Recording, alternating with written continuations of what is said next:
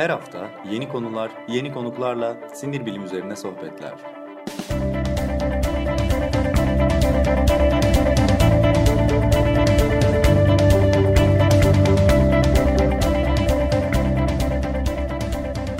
Neuroblog Podcast başlıyor.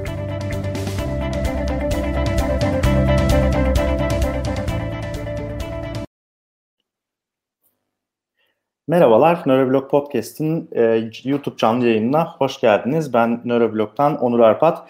Bugün bir konuğum var, doçent doktor Çağhan Kızıl. E, Çağhan merhaba. E, merhaba Onur. Herkese de merhaba bizi dinleyen.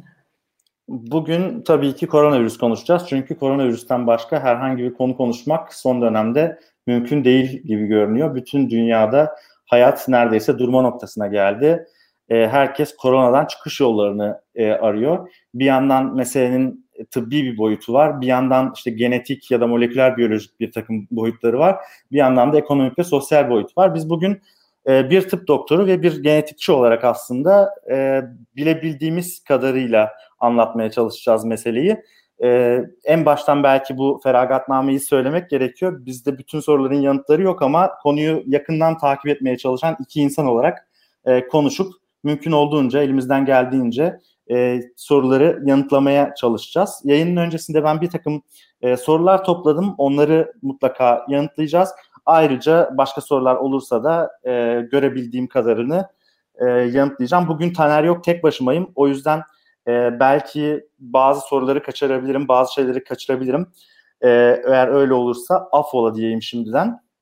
E, şimdi Çağan e, biz ikimiz de Almanya'dayız. E, burada hayat artık iyice durma noktasına geldi. Bütün dükkanlar kapandı. Hatta bugün benim yaşadığım yerde gece 12'den itibaren e, bir sokağa çıkma yasağı da söz konusu. E, artık herhalde son e, hamleler yapılıyor. Çünkü artık sosyal hayatı tamamen durma noktasına getirirseniz yapabileceğiniz başka bir şey sosyal olarak kalmıyor. Bundan sonra virüsün daha fazla yayılmaması için yapmanız gereken her şeyi yapmış oluyorsunuz. Ondan sonra da artık bakalım ne kadar hasta gelecek diye hastanede beklemeye başlamış oluyorsunuz ki biz bu beklemeye başladık aslında. Yani çok ciddi bir şekilde bizim hastanemiz e, yeniden yapılandı. Hastanenin dörtte biri boşaltıp sadece korona hastalarına e, ayrıldı. Hastanenin yoğun bakım kapasitesi çok hızlı bir şekilde iki katına çıkarıldı. Yeni e, ventilasyon araçları işte bu yoğun bakımda kullanılan bir takım yeni araçlar gereçler sipariş edildi. E, ve hızlı bir şekilde aslında bekliyoruz e, korona hastalarını. Yavaş yavaş da gelmeye başladılar.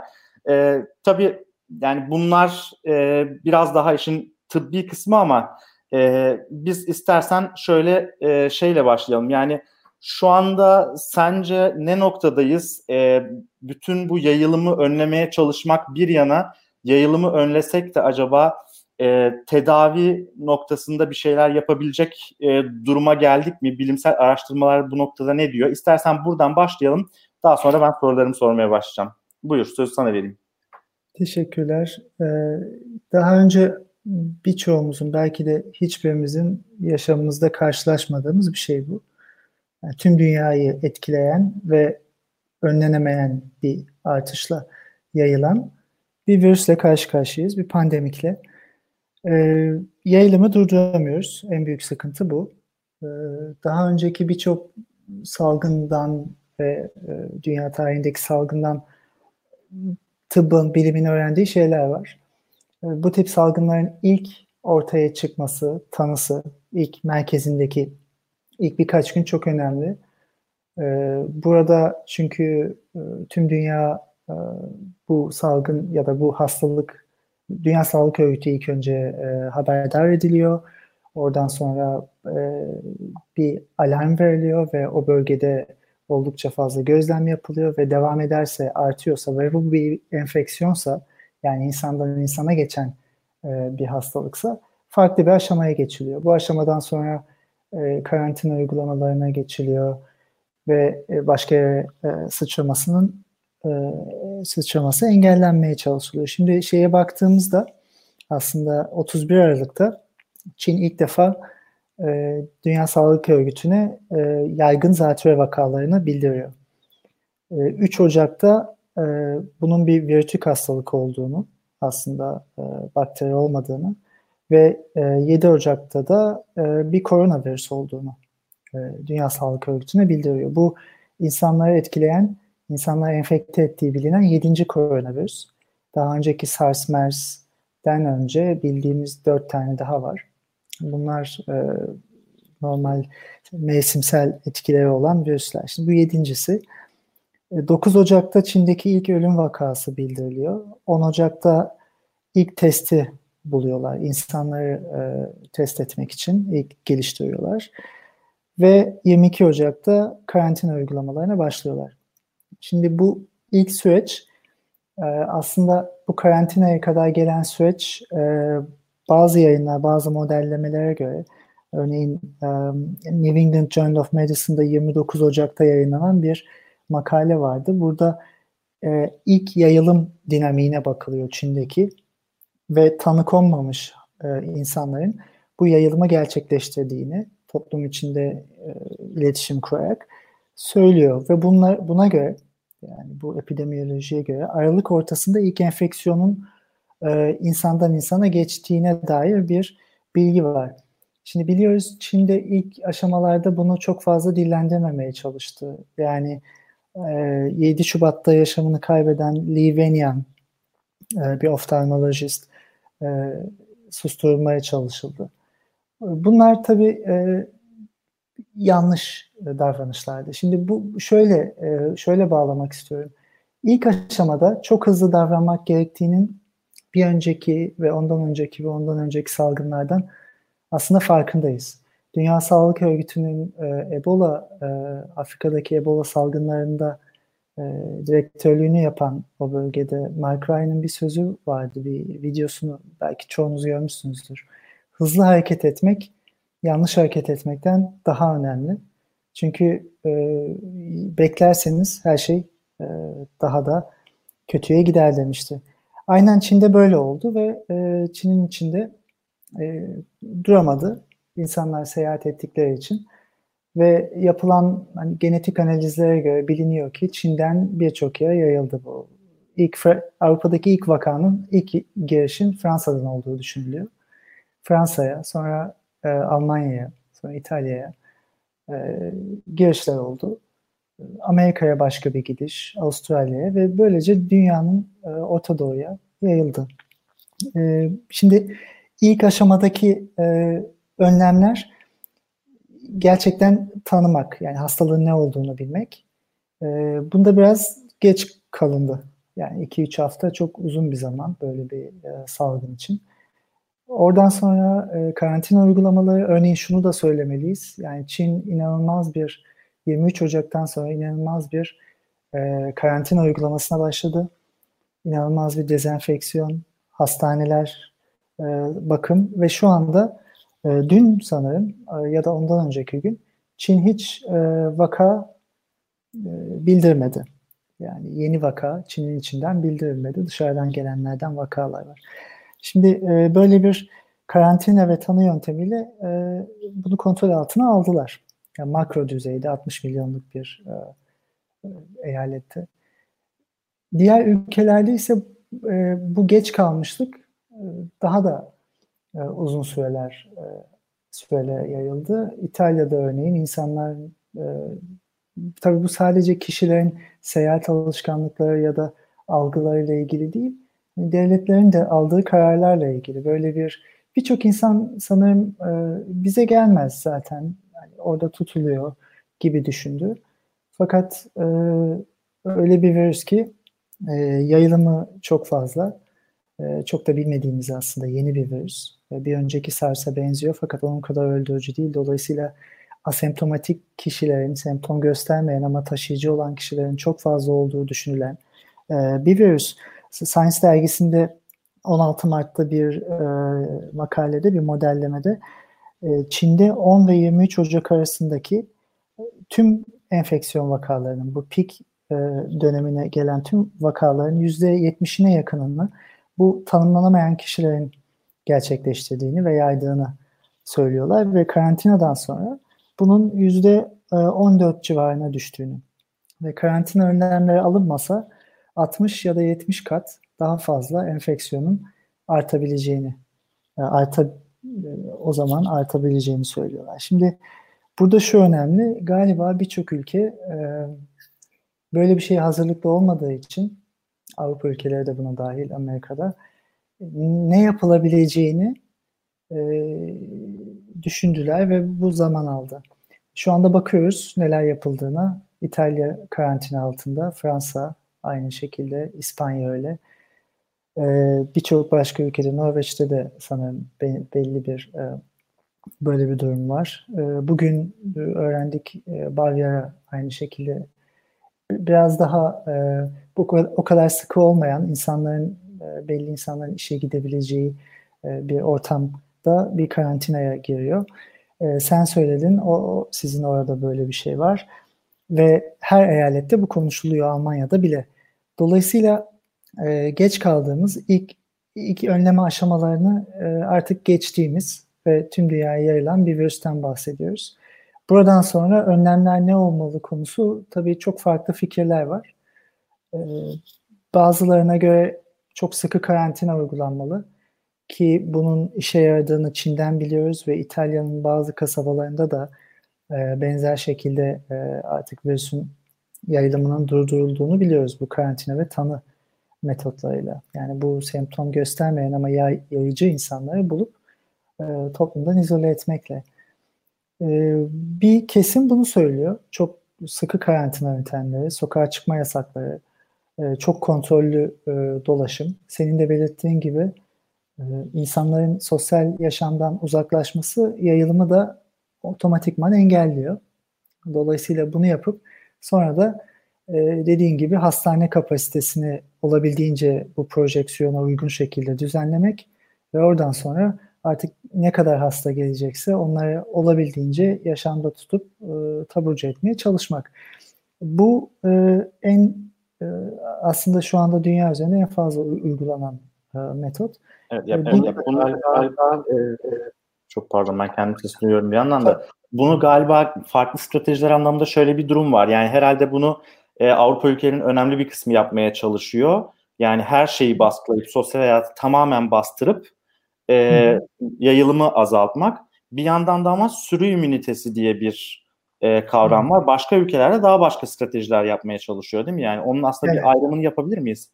Tabii tabii evet. E, şimdi bu bu bir yöntem. İkinci yöntemde e, sürü e, bağışıklığı aslında buna belki toplumsal bağışıklık ya da toplum bağışıklığı, kitlesel bağışıklık da diyebiliriz. Oradaki metot şu. Yani o aslında bizim normalde aşılamayla yaptığımız şey. Yapmaya çalıştığımız ya da olan bir şey. Örneğin toplumun dünya nüfusunun hepsi belli bir aşıya sahip değiller, immüniteye sahip değiller bir şeye karşı. Örneğin kızamık e, herkeste yok. Fakat toplumun çok büyük bir kısmı e, immün olduğu için e, bu yayılımı engelliyor. Bunu şöyle düşünebilirsiniz. Örneğin suya elektrik verdiğinizde eğer tamamen suysa bir yerinden bir yerine gider. Her taraftakini çarpar öyle değil mi? Fakat araya bir plastik koyduğunuzda suyu birbirinden ayırdığınızda diğer tarafa geçmez. Bu böyle bir şey. Yani arada e, immün kişiler olduğu zaman bu iletim yolu ortadan kalkmış oluyor. E, fakat bu e, şimdi yapılan bizim dünya üzerinde kimsenin e, bu virüs çıktığında buna karşı bağışıklığı yok. Yani sıfırdan bir sürü bağışıklığı yaratmanın e, çok riskli olduğuna dair de e, görüşler vardı. Sürü bağışıklığı nasıl olacak? Şimdi ana bunun ana teması evet bizim ilacımız yok, e, aşımız yok, hiçbir şeyimiz yok. Fakat hastalığı geçiren ve iyileşen insanlar var. Biz şöyle yapalım. E, serbest dolaşımı hiç engellemeyelim. İnsanlar hastalansın. E, yani açıkça bu projeksiyonlar bunun üzerinden yapılıyor ve hastanelere gelecek bu insanlar. Bazıları taburcu olacaklar, bazıları yaşamını kaybedecekler. Ve taburcu olanlar bağışık olarak toplumun içine girecekler. Yerine yeni hastalar gelecek, yeni bağışıklıklar, yeni ölümler. E, bu dengeyi e, kurup hastanelere giren ve çıkan hastanın dengesini kurup e, toplumu bir süre içinde e, bağışık hale getirmek. Fakat burada e, en eleştirilen yer e, birçok insanın ölümünü göze alacaksınız. Çünkü şu anki rakamlarla bu yüzde 3 3.5 civarında. Fakat e, yaş gruplarına göre değişiyor ve kapanan hastalar yani e, tedavisi biten e, ya taburcu olan ya yaşamını kaybeden hastalara bakıldığında bu oran aslında e, daha yüksek. Yüzde yüzde sekizlere varıyor. Yani e, şu anda hastanedeki hastaların da e, akıbetini bilemediğimiz için onları dahil etmediğimizde bu rakam çıkıyor. Çok yüksek. O yüzden bu bir eleştiri konusuydu. Yani e, insanlara bağışık yapabiliriz fakat e, çok büyük ölümler olacak. Bir de başka bir eleştiri konusu da şu. E, şu anda dünyada toplam baktığımızda tabii İtalya örneği çok e, ekstrem bir örnek. Ama hastanelere giren hasta sayısı ile çıkan hasta sayısı arasında 5 kat fark var. Yani 5 e, kat bir oran var. 5 hasta giriyorsa bir tanesi taburcu oluyor. E, dolayısıyla e, hastanelerin kapasitesinin, sağlık sisteminin bunu karşılayabileceğine dair bir eleştiri vardı. Şimdi İngiltere, İngiltere tabii bunu ilk dillendiren ama İsveç ve Hollanda da buna benzer uygulamaları yapmaya çalıştılar. Ee, burada bir de ikinci bir parametre var. Bunu yaparken çok e, kontrol etmeleri gerekiyor. Şöyle ki çok fazla hasta geliyorsa ve çok az hasta çıkıyorsa e, o zaman e, enfeksiyon yolaklarını kapatmak gerekiyor. Şöyle ki örneğin okulları tatil ediyorlar. İnsanları biraz bazı iş sektörlerini tatil ediyorlar. Bu sosyal dolaşımı azaltıyor. Ve azalttığı zaman daha az hasta ortaya çıkıyor ve o zaman e, taburcu olanla aynı seviyeye geliyor. Eğer çok fazla iyileşen hasta varsa daha fazla kapasiteyi doldurmak için okullar açılıyor. Ya da e, insanlar serbest dolaşım hakkı veriliyor ve böylece daha fazla hasta yapılıyor. Yani şimdi konuşunca bunu çok böyle e, canice geliyor. Tabii hasta yapıyorsunuz insanlara ya da ama böyle bir şey bu e, sürü bağışıklığı. Dolayısıyla bu da başka bir yöntem fakat bunun e, her anlamda e, çok büyük sonuçları olabilir ve projeksiyonlara göre e, 1 milyonun üzerinde insanın yaşamını kaybedeceğini bu sistemde e, göze almak gerekiyor. Dolayısıyla e, işte e, iki ucu aslında şu anki metotların bu. E, ilkinin de tabii karantinanın da bir dezavantajı var. Hatta birden fazla var. Birincisi herkesi eve koyabilirsiniz fakat bu ne kadar süreli olacak? Yani bunu bilmiyoruz. Bu bir ay mı, üç ay mı, beş ay mı olacak? Böyle olduğu zaman e, tamamen değişik bir sosyal denge olması gerekiyor. Yani tüketimden tutun insanların e, ek, ekonomi tabii ki etkilenecek. Bu da başka bir e, şey. Bir de e, son olarak yani bu insanlar bir zaman sonra dışarı çıkacaklar. Yani bu yaşam normale dönmek zorunda. Peki bağışık değilsek ve bu virüs yine gelirse yine en başa dönmüş olacağız. Şimdi bunun da dezavantajları bu. Fakat e, bir de sevindirici gelişmeler var. Şöyle ki çok hummalı bir çalışma var. Yani bilim ve tıp alanında e, aşı aşı demeyelim. Aşı çok uzun bir süreç. Yani gerçekten e, hani Dünya Sağlık Örgütü ve bu işi bilen herhangi birisi bir, bir buçuk seneden önce etkili bir aşının gerçekten piyasaya çıkması ve insanlara ulaştırılması mümkün e, görülmüyor. Fakat bir e, başka ilaçları düşünebiliriz. Bu süre içinde bir ilaç bulunabilirse o zaman e, herkes evinden o ilaçları alarak e, çıkabilir ya da bu salgını azaltabiliriz diye düşünülüyor. Dolayısıyla bilimin zamana ihtiyacı var ila, ilaç üretiminin zamana ihtiyacı var, e, araştırmaların zamana ihtiyacı var. E, bu ilk karantina metotları ne kadar e, bize aslında e, yaşamımızı etkileyecek gibi görünse de yani çok hoşlandığımız bir şey değil sanırım. Şimdi Almanya'da birçok yerde insanları eve gönderdiler. Senin de söylediğin gibi evden çalışılıyor. E, birçok enstitü, üniversiteler e, kapandı. E, ve birçok eyalette de e, sokağa çıkma yasakları konuşuluyor. Yani hatta Bavyera bugün resmi olarak açıkladı. Birçok eyalette de bekleniyor. Şimdi bu hoş bir şey de değil tabii. Fakat e, insan yaşamını önceleyen e, bir durum. yani daha az e, insanı e, insanın yaşamını kaybetmesini sağlamaya yönelik e, bir çaba. E, bu ikisinin arasında gidip gelen bir tartışma e, var. İlkinin karantinanın etkili olduğunu biliyoruz Çin'den. Yani metodolojik olarak da makro düzeyde de etkili. Fakat e, sürü bağışıklığının e, etkili olup olmadığını bilmiyoruz. O tamamen bir e, kara kutu.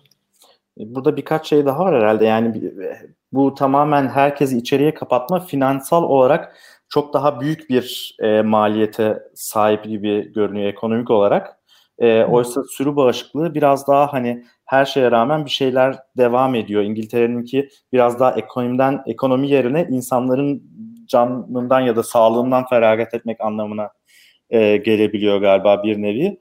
E, ama öte yandan da yani senin dediğin gibi yani ne kadar evde kalabiliriz? Çünkü hani şunu biz bilebilsek işte tamam iki hafta evde kalacağız. iki haftadan sonra yavaş yavaş tekrar dışarıya çıkmaya başlayacağız.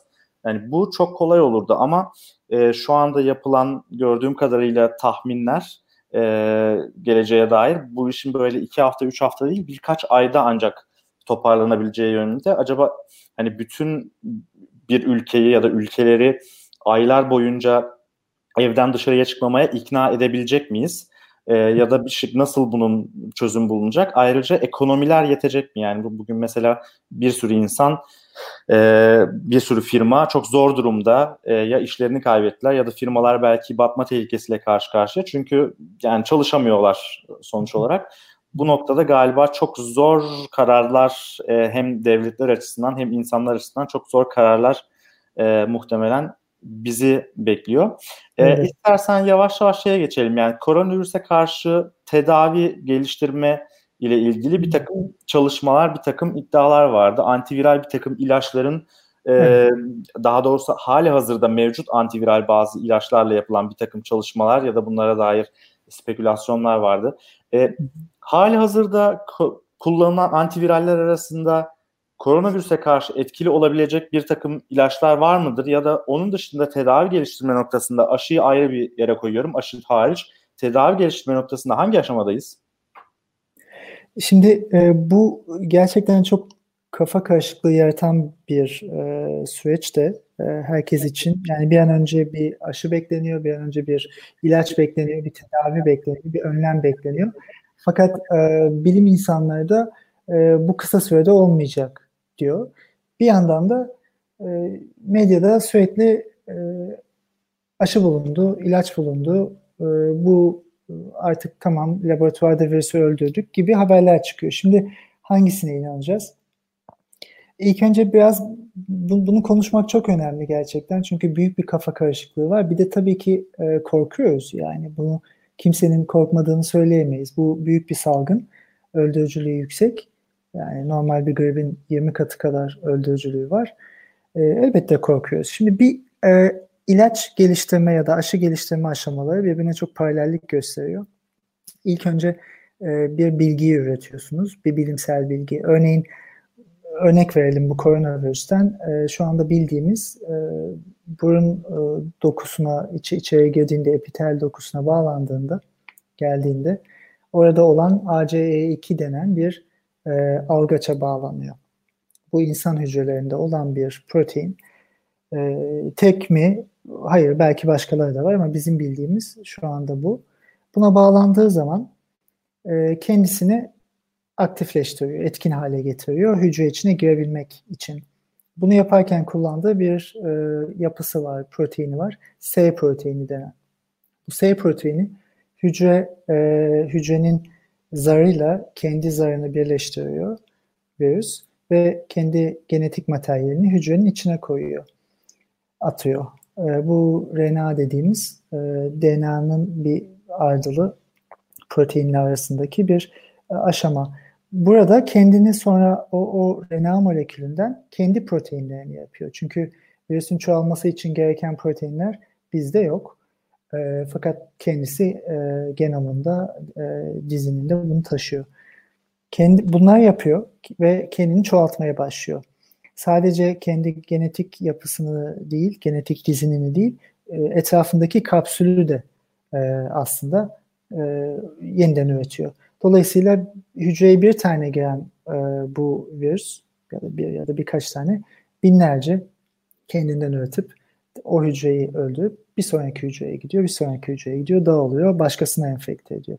Şimdi bu mekanizmayı biliyoruz. Diyelim ki e, neredeyse bu mekanizmanın çoğuna karşı e, geliştirilmeye çalışılan ilaç ya da aşı var.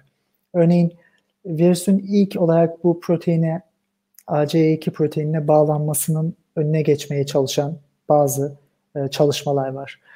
E, virüsün içeri girmesi için kullandığı S proteinine karşı bağışıklık sisteminin e, antikorlar üretmesi ve e, virüsü ilk başta tanıması üzerine yapılan çalışmalar var. Virüs içeri girdikten sonra RNA'sını içeri gönderdikten sonra kendini çoğaltmasını önleyecek e, çalışmalar var.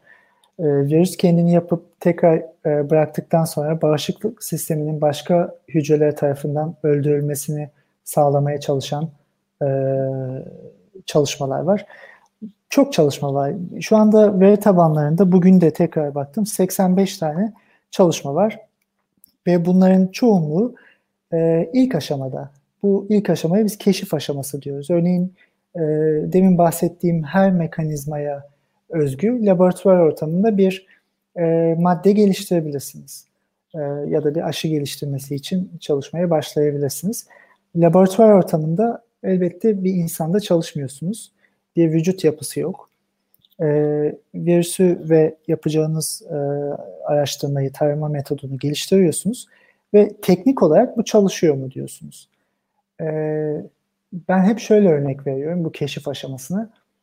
Yani virüsü laboratuvarda e, büyütüp üzerine çamaşır suyu dökerseniz de virüsü öldürebilirsiniz ve ben virüsü laboratuvarda öldürdüm diyebilirsiniz. Yanlış olmaz. Fakat o çamaşır suyu hiçbir şekilde bir ilaca dönüşmeyecektir. Evet. E, çünkü işte ilaç geliştirme aşaması çamaşır suyunun insanda gerçekten e, zarar vermeden sadece virüsü öldürüp öldürmediğini bakma aşamasıdır. E, eğer çamaşır suyuyla başlarsanız çok erkenden bunun gerçekten ilaç olmayacağını anlarsınız. Şu anda elimizde 50'den fazla bu aşamadaki e, bir e, şey var, çalışma var. Bu çalışmalardan da sonradan ne yapılıyor? Eğer ki gerçekten diyorsanız evet ben laboratuvarda istediğim şeyi yaptım. E, şimdi buradan sonra bunun e, diğer aşamalarına geçeceğim. Klinik öncesi bir aşama diyoruz. Bu hayvan modellerinde çalışılır genelde. İlk önce hücre kültürlerinde, hücreleri laboratuvar ortamında büyütürken sonra da e, çeşitli modellerde çalışılır ve bulduğunuz maddelerin e, etken maddelerin gerçekten etkili olup olmadığını oralarda bakarsınız. Çoğunlukla da e, yani farmakolojinin e, çalışma alanına giren e, metotlar bunlar. Örneğin verdiğiniz şey e, örneğin nasıl vereceksiniz? Yani ağızdan mı alınacak bu yoksa iğne iğneyle mi alacaksınız? Kaslarınıza mı enjekte edilecek? Ya bunu nasıl bunu vereceksiniz? Ve verdiğiniz madde e, bir metabolizmaya e, nasıl metabolize olacak? Yani ağızdan aldığınızda mideye gidecek, midede sindirilecek, oradan sonra emilimi nasıl olacak e, gibi birçok soru var. Bunları e, laboratuvarda bulamazsınız, yapamazsınız. Çünkü bir e, bunun için canlı e, bir organizma gerekiyor. Buradan sonra da eğer gerçekten yan etkileri yoksa ve istediğiniz dokuya gidiyorsa e, bir sonraki aşamaya geçersiniz. Bu da klinik insan e, üzerinde yapılan çalışmalar. E, hasta ilk önce sağlıklı insanlarda yan etkileri var mı yok mu diye bakarsınız. Çünkü çalışacağınız hiçbir model insan olmayacaktır daha önce ve insanda birçok şey farklı olabilir. E, sonra ikinci aşamaya geçersiniz. Etki değerlendirmesini yaparsınız. Yan etkilerine bakarsınız. Üçüncü aşamaya geçince de artık geniş bir hasta grubuyla çalışırsınız ve e, büyük istatistiksel analizlerle ve saha analizleriyle gerçekten o e, sizin e, drug regimen diyoruz. Yani bunu e, uygulama metotlarınız istediğiniz hastalığı tedavi ediyor mu, önlüyor mu? Buna bakarsınız. Şimdi burada e, dediğim gibi birçok çalışma daha ilk ilk ilk aşamada. Elimizde daha önceden e, antiviral, senin de dediğin gibi Onur, e, antiviral olarak kullanılan bazı ilaçlar e, vardı zaten. Daha önceki SARS ya da başka viral enfeksiyonlara karşı HIV olabilir. E, bunlar tabii ki e, bu da başka bir yöntem. Şöyle ki e, en baştan başlamıyorsunuz ve diyorsunuz ki ya bizim başka bir ilacımız vardı tamamen başka bir hastalığı ama o da virütikti. E, deneyelim bunu hastalarda yani belki çalışacak. Çünkü birçok virüsün örneğin kendini çoğaltma mekanizması benzer. E, diğer virüsü durdurabiliyorsanız çoğaltmasını bunu da durdurabileceğinizi düşünerek bir denemeye başlıyorsunuz. Bunlar daha ileriki aşamalardan başlıyor e, ilk aşamadan değil de daha klinik aşamadan başlıyor. Yani insanlarla çalışabiliyorsunuz.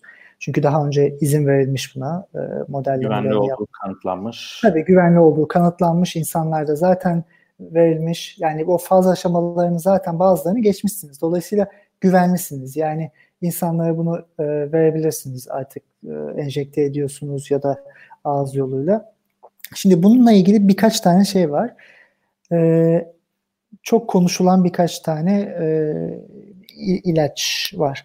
Örneğin e, ilk aşamada e, faz 1 aşamasında olan, daha önceden faz 1 aşamasında olan bir aşı e, vardı. Bu aşı e, virüsün demin bahsettiğim bu S proteinini insan hücrelerinin yapması üzerine. İnsana bir madde veriyorlar. Yine bir RNA. Bu e, S proteini yapıyor. Tabi ama sadece S proteini olduğu için virüs değil. E, enfeksiyon kapasitesi yok. Fakat bizde olmayan bir protein olduğu için bağışıklık sistemi buna antikor yapacak diye düşünülüyor ve bir bağışıklık kazanacağız.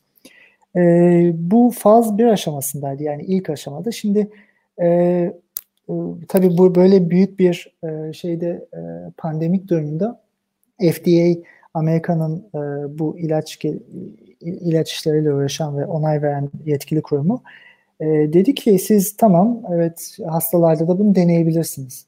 Aslında normalde birkaç sene daha alması gereken bir süreç bu. E, Seattle'da buna başlandı. 28 gün arayla yaşları 18 ile 55 kişi e, e, yaş arasındaki yaş arasındaki e, 45 kişiye bu e, verilecek. Bu bir aşı yani en ilerlemiş aşı bu ve bunun gibi birkaç tane daha var. Fakat bunlar da gördüğünüz gibi çok erken aşamada var. Şimdi bunun yanında en büyük, en çok konuşulan e, şu, şu birkaç gündür Avustralya'dan e, gelen bir haber. Daha önce Hindistan'dan gelmişti aslında. E, ve dün de sanırım Fransa'daki e, birkaç doktor yaptığımız çalışmalarda pozitif sonuçlar bulduk dedi. Dün de e, Çin'den bir makale yayınlandı. Yine bunlarla e, ilgili. Bu sıtma ve e, HIV, AIDS e, e, için kullanılan e, ilaçların bir karışımı, bir kokteyl gibi düşünebiliriz. HIV için kullanılan iki ilaç var, lopinavir, ritonavir diye. Bu e, virüsün aktivasyonunu engelliyor, aktifleşmesini demin konuştuğumuz gibi. Sıtma için de klorokin denen aslında e, yani ilk önce sıtma için e, kullanılmış olan mekanizması e, sıtma parazitinin hücreye girmesini engellemek üzerine olan bir ilaç. E, yaklaşık bir, sanırım 1934'te bulunuyor bu e, klorokin. Yani çok uzun zamandır zaten bilinen ve ucuz da bir ilaç. Fakat e, ya bir Queensland'de özellikle e, e, hastanelerdeki doktorlar çok iyi çalıştı, çok iyi çalıştı dediler. E, Birçok insan da Fransa'dan da böyle e, şeyler geldi, bilgiler. Fakat e, Çin'den de gelen bir bilgi vardı. Özellikle bu sıtma ilacı e, SARS-CoV-2, COVID-18'in COVID-18'e bağlı gelişen zatürre için etkili olduğunu söylediler. Yani hastalar ağır ve son aşamadayken, yani ağır bir e, zatürre geçirirken bu ilacı kullandıklarında HIV ilacıyla beraber bir iyileşme gördüklerini söylüyorlar. Şimdi e, bilimsel olarak baktığımızda e, tabii ki umut verici bir şey. Fakat bu demek değil ki gerçekten tüm hastalarda bu ilaç çalışacak, bu kokteyl çalışacak e, ve tüm aşamalar hastalığın tüm aşamalarında bu ilaçlar alınabilir. E, bu faz 2 aşamasında bir çalışma yani daha onay almayan bir e, çalışma. E, çok olağanüstü bir durumda olduğumuz için birçok ülke bu ilacın e, bu ilaç karışımının kullanımını e, doktorlarda bir klinikte kullanımına izin verip vermeme konusunda karar almaya çalışıyor. Örneğin Amerika e, denemelere izin verdi. E, bir yanlış anlamayı da e, ortadan kaldıralım. Birçok kişi de diyor ki işte FDA, Amerika'nın e, ve dünyanın önemli e, bu alanda onay veren kurumlarından bir tanesi e, onayladığı ilacı hastalarda kullanılabilir. Hayır, bu klinik çalışmayı onayladı ve bu klinik çalışmanın sonuçlarına bakacaklar tüm dünya olarak. Ve bu, bu bir süreç alacak, bu aylar alacak ve sonra e, diyecekler ki evet ya da hayır. E, dolayısıyla şu anda kimsenin de gidip e, klorokin bulmaya çalışması e, gerekmiyor.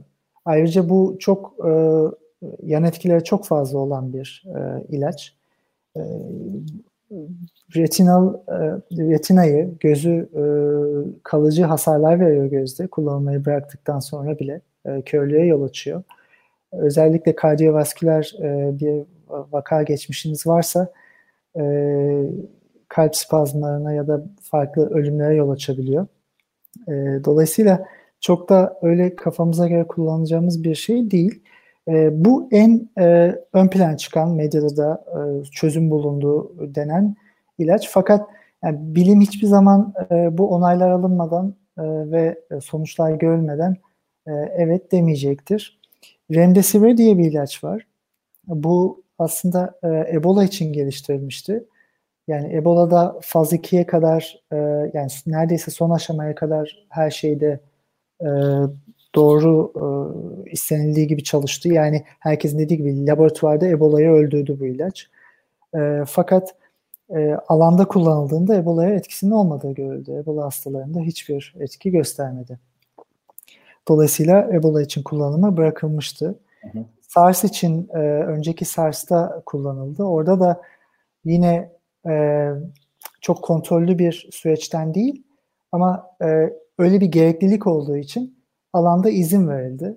Hı hı. E, ve orada da etkisinin çok çok çok yüksek olduğu e, görülmedi. Yani hı hı. etkisi çok dolayısıyla burada kullanılıyor fakat e, bilemiyoruz aktif mi olacak mı olmayacak mı. Çin başka bir şey daha söyledi. Başka bir ilaç Faviprevir. E, bu da yine zatürre için e, aslında temel olarak. E, onu da göreceğiz. E, şimdi burada şeyi söylemeye çalışıyorum. Asıl e, e, birkaç tane, iki üç tane e, umut veren çalışma elbette var. Bunun sonuçlarını göreceğiz. Hani kimse bunlar ilaç olacak gerçekten ve bizi e, tedavi edecek diyemez. E, hele şu aşamada umutlu bile olsa yani alandan öyle şeyler bile gelse bunun uluslararası kurumlarca değerlendirilmesi, bağımsız heyetlerce bakılması ve e, kişinin burada sözüne değil e, aslında e, verilere ve yaygınlığına göre karar vermesi gerekiyor. Burada şey demiyorum bu çalışmayacak. Umarız çalışır, umarız bu onayları alır ve bu hastalığa çok da ucuz olan bir ilaç aslında.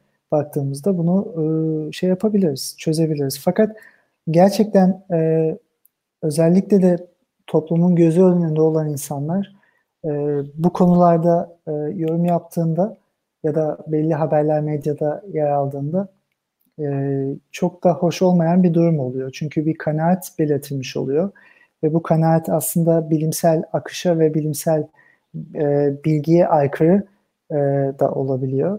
Ve bu durumda tabii için içinden çıkılmaz e, bir hal oluyor. Dolayısıyla e, uluslararası gelişmeleri takip edelim. Çok az elimizde şu anda şey var, e, imkan var.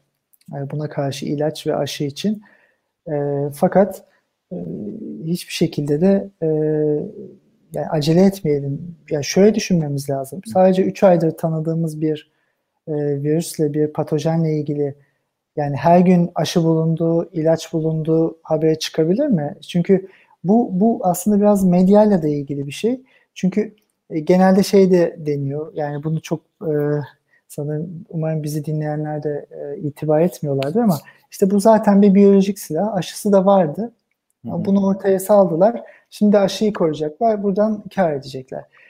Evet. E, dünya böyle işlemiyor gerçekten. E, bu işler de böyle işlemiyor. bir bu biyolojik bir silah değil. Hiçbir şekilde genetik yapısı ve e, protein yapısı hiçbir şekilde insan eliyle yapılmış bir e, durumu yok. Daha önceki koronavirüs ailesiyle evrimsel olarak tamamen benziyor ve kendi kendine evrilmiş e, bir virüs ve hiçbir şekilde e, aşısı da o, yok. Şimdi bu tip haberler şunu getiriyor tabii. Aa aşı bulundu. İki ayda nasıl aşı buldular? Demek ki bunu biliyorlardı daha önceden. Hı hı. Böyle değil. Buna tıpta repurposing deniyor. Yani binlerce belki milyonlarca kimyasal var etrafta. Bunlar bu ilaç geliştirme aşamasının belli aşamalarında e, çalışmamış ve e, çekilmiş e, prosesten. Fakat onlar bir yerlerde duruyor.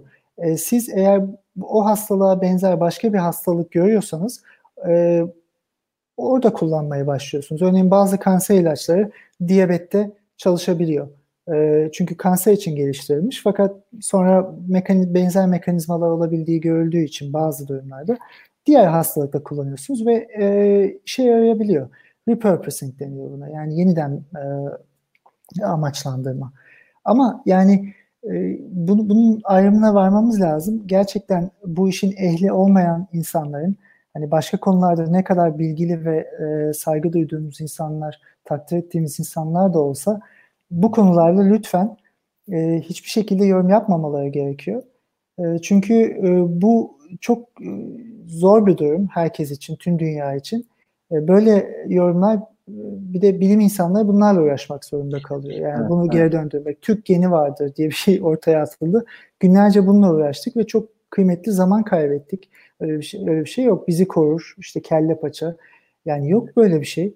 Yani e, ben şu hani çok uzattım ama şunu söylemek istiyorum. Bu aslında tüm bu salgınlar, tüm bu dünyadaki e, bu e, gelişimler, değişimler aslında e, insanlığın bilim ve akılla da imtihanı. Yani böyle durumlarda nasıl davranmamız gerekiyor? Bilim nasıl konuşur? Bilim ne der? E, bunu bunu öğrenmemiz gerekiyor. E, herkesin de bunu öğrenmesi gerekiyor ve bilim insanlarına da güvenilmesi gerekiyor. Şunu da söyleyelim. Yani her bilim, bilim bir tek ses değil. Bilimde birçok ses var ve bunlar verilerle, argümanlarla ve projeksiyonlarla bilimsel bir şekilde tartışılıyor ve denemelerle. Ee, işte bu denemelere zaman vermek gerekiyor. Hiçbir bilim insanı da çıkıp bugünden 3 hafta sonra bu böyle olacak e, diyemez. E, projeksiyonlara bakarak, örneğin Çin'deki gelişime, İtalya'daki gelişime bakarak onlar gibi davranan ülkelerin nasıl ilerleyeceğini söyleyebiliriz. Ama e, hiç hiçbir bilgimiz olmayan bir konuda e, bu böyle olacak e, diyemeyiz. E, bunu diyenler de yalan söylüyordur zaten. Evet, evet sevgili, sevgili Hamdi biyoloji silah olmadığını Nature'da yayınlanan makaleyle kanıtlandı demiş. Gerçekten komplo evet. teorilerine kulak vermenin pek bir alemi yok. Çünkü yani biz biliyoruz bu komplo teorilerin hepsi e, yalan, maksatlı ya da bir şekilde işte kulaktan doyma, dolma bir takım bilgilerin bir araya getirilmesiyle oluşturulmuş gerçek dışı iddialardan oluşuyor. Evet. E, yani bu klorokin meselesinde şöyle bir nokta var e, sanıyorum. Bu soru olarak da bize geldi. Profilaksi amaçlı klorokin kullanıl- kullanılması hakkında ne düşünüyorsunuz diye. E, yani herhalde şöyle bir şey var. Çok sayıda e, ilaç var ve bu ilaçlardan insanlar çok hızlı bir çözüm bekliyorlar. Çünkü her şey bir anda felç oldu, bütün hayat felç oldu. İnsanlar bir an önce bilim insanlarından, tıptan çok hızlı bir çözüm bekliyorlar. Haliyle ortada bir takım ilaçların olduğunu, virüslere karşı bir takım ilaçların olduğunu veya da diğer e, mikroorganizmalara karşı bir takım ilaçlar olduğunu düşünüyorlar ve bu ilaçların bir şekilde kullanılarak çok hızlı bir şekilde çözüme gidileceğini düşünüyorlar. Ama aslında siz, senin de anlattığın gibi yani bu öyle çok kolay bir şey değil. Eğer siz hali hazırda var olan bir ilacı e, kullanmak istiyorsanız en azından burada insan deneylerine başlamak, orada bunu tam olarak net olarak göstermek ve ondan sonra yaygın kullanımı açmak zorundasınız. Güvenli olduğunu göstermek zorundasınız. E, bu zaten aylar süren en iyi ihtimalle en hızlı en ekspres hali aylar süren bir şey. Klorokin bu anlamda gerçekten diğer mevcut ilaçlara göre ya da mevcut adaylara göre daha hızlı bir e, belki süreçte kullanılabilir, daha hızlı bir şekilde denenebilir en azından ve başarılı olursa gerçekten kullanılabilir. Ama şu anda klorokini bir ilaç olarak tavsiye etmek çok sorumsuzca bir şey olur herhangi bir tıp doktoru ya da bir bilim insanı tarafından. Çünkü bu noktada ne profilaktik amaçla yani ne enfeksiyonu önlemek amacıyla ne de mevcut enfeksiyonu tedavi etmek amacıyla herhangi bir etkisinin olup olmadığını bilmiyoruz. Ancak klorokinin biz çok sayıda ve çok ciddi yan etkisi olduğunu biliyoruz. Bu anlamda kesinlikle bundan uzak durmak lazım. İnsanların eczanelerden klorokin e, soruşturduğunu duydum ben bugün. Gerçekten bu çok ciddi bir şekilde, dikkatli bir şekilde değerlendirilmesi gereken bir konu. Öte evet. yandan e, hali hazırda zaten herhangi bir hastalıkta kullanılmayan bir ilaçtan bahsediyorsak bu ilacın geliştirilmesi en iyi ihtimalle yıllar sürecektir. İnsanlar hızlı çözümler bekliyorlar ama yani bu hızlı çözümler öyle kolay gel- gelmesi mümkün olan şeyler değil. Çünkü bilim yavaş yavaş ilerliyor ve yavaş yavaş ilerle- ilerlemesinin bir sebebi var. Her şeyin güvenli bir şekilde insanlara zarar vermeden devam etmesini, yarar sağlamasını hani primum non nocere, nocere denir ya hani ilk kuralıdır yani önce zarar verme e, Hipokrat'ın. Evet. E, bu nedenle bu çok önemli bir nokta. Herkesin de bu noktada sorumlu davranması, henüz güvenilirliği ve e, işe yararlığı kanıtlanmamış ilaçları kimseye tavsiye etmemesi çok önemli bir e, ilke olmalı bence bu noktada. Kesinlikle. E, ben şeyle ilgili çok kısa e, soru sormak istiyorum. Şimdi e, bireysel olarak söyleyeyim e, biz de burada hani koronavirüs testleri yap, yaptırdık, yapıyoruz vesaire. E, bu testler mevcut testler sanırım PCR temelli testler yani işte evet. genetik materyalinin çoğaltılmasına dayalı testler virüsün. Bunlar evet. biraz daha uzun sürüyor ve yeni testler, ELISA temelli bir takım testlerin geldiği söyleniyor ve bunların daha kısa sürede yani saatler içerisinde sonucu verebileceği bir insanın pozitif ya da negatif olduğuna dair sonucu vereceğini söyleniyor. Çünkü mevcut testler günler sürüyor sonucu alması. E, bu noktada bir gelişme var mı? Ne diyorsun? Var. Ee, dediğin gibi ilk e, en temelde e, basit e, polimer zincir reaksiyonu dediğimiz dediğin gibi e, RNA'sını çoğaltmak için virüsün uygulanan metotlar vardı. Bunlar saatler ve günler sürebilir. Yani en az bir gün sürüyor. Bu biraz düşürüldü. Şu anda antikorla e, baktığınız zaman çünkü e, RNA'dan belli metotlarla işte DNA'yı çevireceksiniz, onu çoğaltacaksınız, onun analizini, grafiğini bakacaksınız. Bazı kitler var şu anda. E, 15 dakikada örneği koyduğunuz zaman proteine bakıyor. Antikor olduğu için orada ve ELISA based, evet senin dediğin gibi. E, bu testler daha çok kullanılmaya başlandı. Almanya'da örneğin arabayla geliyorsunuz, e, işte test yaptırıyorsunuz. Testler bunlardı e, çoğunluğu. Test kapasitesi gelişiyor tabii. Yani büyük bir, şöyle düşünelim, biz belki haber bekliyoruz, televizyon başında insanlarla konuşuyoruz, başka şeyler yapıyoruz ama 24 saat e, bilimsel gelişmeler devam ediyor. Tabii bu, bu bir sektör de aynı zamanda. Bunları üreten firmalar var. Onlar, onlar için şu anda büyük bir pazar açılmış durumda. E, onlar da çok fazla geliştirmeye çalışıyorlar ve Tesla hem yani tabii ki hem hastalığı e, tanımlamak açısından ama hem de kendileri için bir e, kaynak yaratmaya çalışıyorlar. Tesla çok gelişiyor. E, gelişti de. Ama burada önemli olan ne kadar test yapılabileceği ve insanları e, ne kadar erken aşamada hasta olmadan ya da hastalığın çok erken aşamalarında başkasına yaymadan yakalayabileceğimiz. E, bu yüzden Güney Kore örneği harika bir örnek. E, çok da aslında uygulanabilir değil dünyaya. İnanılmaz test yapıyorlar ve tüm hastaları buluyorlar neredeyse ülkedeki. E, ve bu hastalar yapılan testlerin %4'ü. Yani 25 kat fazla insana test yapmalısınız ki herkesi bulabilirsiniz gibi bir sonuçta çıkabilir buradan. Ee, diğer ülkelerde e, örneğin bazı modellemelere göre ki burada ne kadar doğru çok şeye dayanır, seyahate dayanıyor, e, toplum dinamiklerine dayanıyor vesaire. Bir vaka gördüğünüzde e, 3 aşağı 5 yukarı 600-800 enfeksiyonu e, göz önünde bulundurmanız lazım gibi bilgiler var. E, birçok e, kişi tarafından da söylenmiş. Şimdi yani bin vaka olan bir yerde rakamların çok yüksek olduğunu görüyorsunuz. Ve o kadar vakanın hepsini, enfekte insanın hepsini bulmak için 25 kat test yapmanız demek aslında dünya üzerinde hiçbir yerde mümkün olan bir şey değil. Bu nedenle insanlar zaten karantina uygulamalarını ön plan çıkartıyorlar ve vakaların nerede olduğunu çok e, erken ve anında e, ortaya koyuyorlar tüm ülkeler. Özellikle Almanya'da baktığımızda yani senin yaşadığın yerde de öyledir.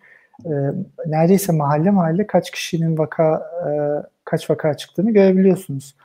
Ona göre çünkü bu sadece bir istatistik değil, bu insanların da bir bilinçli olmasını e, sağlıyor. İkinci e, şeffaf e, bir yönetim ve güven duymayı sağlıyor.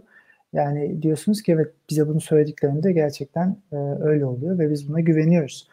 E, üçüncüsü de e, kriz yönetimini tabii e, planlamayı kolaylaştırıyor. E, çünkü kriz yönetimi sadece birkaç kişinin planlayacağı bir şey değil. E, tüm neredeyse tüm toplum ve e, hekimler ve bilim insanları tarafından planlanacak bir şey. Almanya'da e, bir yasa e, ilginç bir şey. Ben de bunu yeni öğrendim. E, enfeksiyondan korunma yasası varmış ve bu yasa böyle pandemik durumlarında devreye giriyor. Bu yasa gereğince e, viroloji alanında e, birinci yetkili Robert Koch Enstitüsü burada Almanya'da ve Robert Koch Enstitüsü'ne olağanüstü yetkiler verilmiş durumda. Şu anda bir eyalet e, eyalete ne yapması gerektiğini söyleme etkisine sahip. Yani eyaletin başbakanından falan da yukarıda e, diye derse ki burayı kapatıyorsunuz tamamen karantina. Bunun aksi karar çıkma olasılığı e, çok az. Sadece hükümet belki hayır diyebilir ama e, yani ve burada Robert Koch Enstitüsü'nde e, bilim insanları çalışıyor ve e, bu işi yürüten hekimler çalışıyor. Şimdi e, e an, ya böyle bir durumda tabii ki bilimi e, ön plana çıkartırsanız ve onların fikirlerini ve bu kadar yetkilerle donatırsanız bunun yanında da elbette devlet yönetimi başka bir şeyde bizim üzerine konuşamayacağımız bir şey, başka düşüncelerle de başka sahiplerle hareket ederler. İkisini bir şekilde harmanladığınızda olabilecek en iyi senaryoyu akılcı bir yolla e, gerçekleştirmiş olursunuz. Şu anda Almanya'da yaşanan süreç bu ama programın başında da söylediğimiz gibi e, Almanya bile e, tedirgin ve bu sayılar artıyor. İleride ne olacak e, bilmiyor. Şimdi e, bir de şöyle şu istatistiği de vereyim. Aslında bu da bence çok önemli. E, Almanya'daki vakaların %50'sine yakını tanımlanan vakaların e, 35-60 yaş arasında. 60 yaşın üzerinde daha az vaka var yüzde olarak. E, dolayısıyla buradan şeyi çıkarabiliyoruz. E, yaşlı nüfusu 80 70 ya da 80 yaşın üzerindeki e, daha geriatrik nüfusu diyelim e, korumayı başarmak üzerine bir politika izliyor. Bu da e, sokağa onların sokağa çıkmamasını sağlamak, e, bununla ilgili uygulamaları gerçekleştirmek gibi tanı testleri çok fazla yapmak gibi. Burada bir de şunu belirtelim. Bu, bu bence çok önemli. Yani artık böyle düşünen var mı yok mu bilmiyorum ama oldu, olduğunu eminim. Gençler bize bir şey olmaz zaten ölmeyeceğiz. Hafif atlatıp geçiririz. Hastalığı kapanlarında %80'i zaten hastalığı hafif atlatıyormuş. Ee, bir şey olmaz biz gezelim. Ya da biz şunu yapalım. Yani iradi olarak tabii bunu yapabilen insanlar. Ee, burada çalışanlara, emekçilere ayırıyoruz. Yani zorunlu olarak e, seyahat etmek, e, toplu taşımaya binmek ve çalışmak zorunda olan insanlar. Bunu ayırıyoruz. Bunlarla ilgili de bu insanlarla ilgili e, düzenlemelerin yapılması gerektiğini de aslında altını çizmemiz lazım. Bugün açıkladı e, vali e, New York valisi iş gücünün yüzde yüzünü eve gönderiyoruz dedi. Hiçbir şekilde e, istisnasız. Sadece çok acil eczaneler, hastaneler vesaire onları planlayacağız. Onun dışındaki tüm iş gücü e, şu anda eve gönderildi. Yani bir nevi e, hak kaybı olmadan bu insanları e, evlerine gönderdi onların sağlığını e, düşünerek. Yani bu, bu bence güzel bir uygulama. E, bu, bunun yapılması gerekiyor ama iradi olarak gençler Lancet'te 20 Şubat'ta yayınlanan e, bir makalede enfekte olan kişilerin dünya çapında ülkeler bazında da 3 aşağı 5 yukarı %70'i 60 yaşın altında. Yani Almanya'da da böyle çıkıyor. E, ve en, en fazla enfekte olan grup 30-40 yaş arası. E, ve CDC'nin e, Hastalık Kontrol Merkezi'nin Amerika'dan yayınladığı bir rapora göre bir 2-3 gün önceydi sanırım.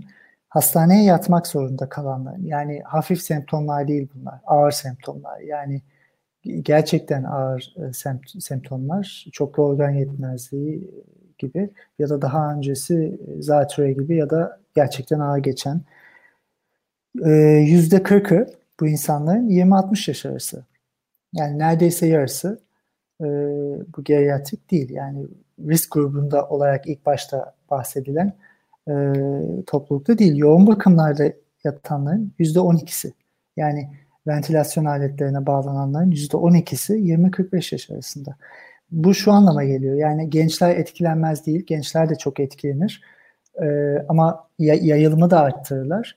Ve e, yaş e, geriatrik toplum e, ki, ta, kişilerde e, maalesef ölüm oranı çok da e, çok daha yüksek oluyor.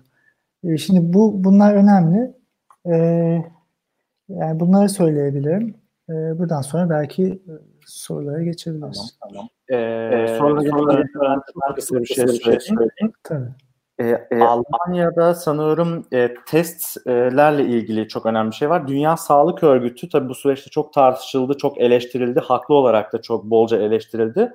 Son evet. dönemde yaptığı tavsiyelerde test yapın, test yapın, test yapın demişti. Yani Twitter'dan da özellikle üst üste evet. vurgulayarak böyle şey yaptılar. E, ben bugün Almanya meselesini araştırdım. Çünkü Almanya'nın istatistikleri gerçekten garip duruyor baktığımız zaman. E, Almanya'nın şu anda e, vaka sayısı 20 bine yaklaştı. Şu an önümdeki ekranda 19.711 görünüyor. E, ona rağmen ölüm sayısı hala iki hanelerde. E, burada e, bugün Financial Times'ta yayınlandı. Daha sonra Alman kaynaklı sitelerde Tagesschau'da vesaire de buna benzer şeyler vardı, yayınlar vardı. Bence Türkiye açısından da biraz örnek olacak ya da belki ibret olacak bir gelişme var Almanya ile ilgili. Almanya, Robert Koch Enstitüsü'nün yaptığı açıklamaya göre, daha doğrusu Robert Koch Enstitüsü'nden e, bir profesörün yaptığı açıklamaya göre koronavirüs enfeksiyonu e, sırasında çok hızlı bir şekilde yaptığı test sayısını arttırmış ve bu geçtiğimiz hafta içerisinde haftalık test sayısını 160 bine yani günlük 20-25 bin civarına çekmiş ve bu, bu anlamda Güney Kore'yi bile geçmiş. Ve e, Almanya'da test sonucu yakalanan insanlar yani koronavirüs pozitif olduğu tespit edilen insanların yaş ortalaması 47. Sen de bahsettin az önce. En fazla pozitif olan insanlar yüzde şey, e, yaş olarak 30, 40, 50 yaş grubu en fazla. Çünkü biraz da şey durumu var galiba yani çok gezen çok kapar hastalığı gibi bir durum var. Yani bu insanlar işte 30-40'lı yaşlardaki insanlar bizim yaş grubumuz belki toplumdaki en aktif insanlar. Haliyle evet. böyle olunca da e, hızlı bir şekilde birilerinden hastalık kapabiliyorlar. Koronavirüs de nispeten hızlı yayılabildiği için, hızlı kapılabildiği için. E, Almanya'nın yaptığı şey burada hızlı bir şekilde e, mümkün olduğu kadar fazla test yapabilmek, günde 20 binin üzerinde test yapabilmek, bu sayede çok genç hastaları dahi yakalayıp onları toplumdan izole edebilmek, onları toplumdan izole ederek e, çok dolaşan genç hasta, hastaların yaşlılara e, hastalığı yaymasını engelleyebilmek. Hastalara yay, yayılmayı engellediğiniz zaman da hastalarınızın yaş ortalaması çok genç oluyor. Hı. Almanya'da 47, İtalya'da bu 63. Evet. İtalya'da çok büyük bir katastrofal bir olay yaşanıyor. Çünkü 63 yaşında ortalama belki bir kısmı 70-80 yaşındaki hastalara bulaşırsa onların hastalığı daha ağır geçirme, yoğun bakımlık olma, mekanik ventilasyon ihtiyacının olması çok daha yüksek oran. Haliyle sağlık sistemi çökü veriyor. Almanya'da şu anda daha doğru işler yapılıyor gibi görünüyor. Daha iyi bir hazırlık var gibi görünüyor ve daha çok test yapıldığı için de daha fazla insanı izole edip özellikle yaşlılara yani bundan en kötü etkilenecek insanlara e, yayılması engelleniyor gibi görünüyor. Kesinlikle. Ee, Ama burada bir şey ekleyebilir miyim? Ee, Almanya'da dediğin gibi şu anki rakamlar 20 bine yakın. İspanya ile aynı rakamlar bunlar enfeksiyon. O, e, Almanya'da 59 ölüm varken İspanya'da 1043 ölüm var. Evet. Ee, ve İspanya'da da dediğin gibi e, yaş ortalaması yüksek. Güney Kore'de de çok az örneğin. Yani dediğin tamamen doğru. Evet. Şimdi bizim mesela ilk ölen vakamız da 89 yaşında e, bir beyefendiydi. E, yani buradan da belki ibret alınabilir. Çok hızlı bir şekilde Türkiye'de test yapılması gerekiyor. Testlerle pozitif olanların ayrılması ve izole edilmesi 14 gün boyunca ve onların e, hastalığı geçirip yaşlılara yayılmasını önlemek e, gerekiyor bir şekilde. Buradan istersen yavaş yavaş sorulara geçelim. Tabii ee, ki. Bir de şunu da belirtelim. Yani Türkiye'nin e, bütçesini harcadığı birçok kalem var. E, böyle bir durumda e, birçok bütçeden buraya e, bütçe ayrılabilir e, ve bu e, testler bir şekilde geliştirilebilir. E, en başından beri testlerin içeriği açıklanmadı. E, nasıl yapıldığı ve çok fazla da üniversitelerle işbirliği içinde e, olunduğunu görmüyoruz. Dünyada yaşanan örneklere baktığımızda örneğin burada Dresden'de öyle, senin orada da öyledir. Hı hı. E, tıp fakültesi e, yapıyor testleri ve ama üniversitelerle de işbirliği içinde üniversiteyle üniversitenin aletlerini kullanıyor. Üniversitelerde insanlar şu anda orada çalışmaya başladılar test kapasitesini arttırmak için. Amerika'da böyle şeyler yapılıyor. Fakat Türkiye'de e, bu yola gidilmedi. Gidiliyor ise de şu anda bunun için biraz geç kalmış durumdayız. Yani test çok önemli e, ve o testi tüm 80 milyonluk bir ülkede yapmaktansa e, hani hotspot dediğimiz o e, enfeksiyonun ana arterlerinde e, oraları kapatıp oralarda yapmak ve insanları ilk önce yayılmayı önlemek e, yoluna gidilmesi gerekiyor diye düşünüyorum. Şu ana kadar böyle bir şey görmedik. Projeksiyonlar da e, bizlere çok hızlı bir şekilde bunun artacağını e, gösteriyor. Hani en başta deniyordu ya e, Almanya mı olacağız ya da Güney Kore mi olacağız, İtalya mı olacağız? Yani bunun e, gösterge e, çok pozitif değil. O yüzden bir an önce adım atılması gerekiyor. Evet, dün evet. Sağlık Bakanı ilk defa yapılan test sayısını açıkladı. 1981 yani 2000'e yakın test yapıldığını söyledi. E, Almanya yaklaşık aynı nüfusa sahip Türkiye ile 80-85 milyon arasında. Buna karşı olarak 20 bin test yapmış. Yani 10 katı kadar bir e, ciddi bir arada fark var.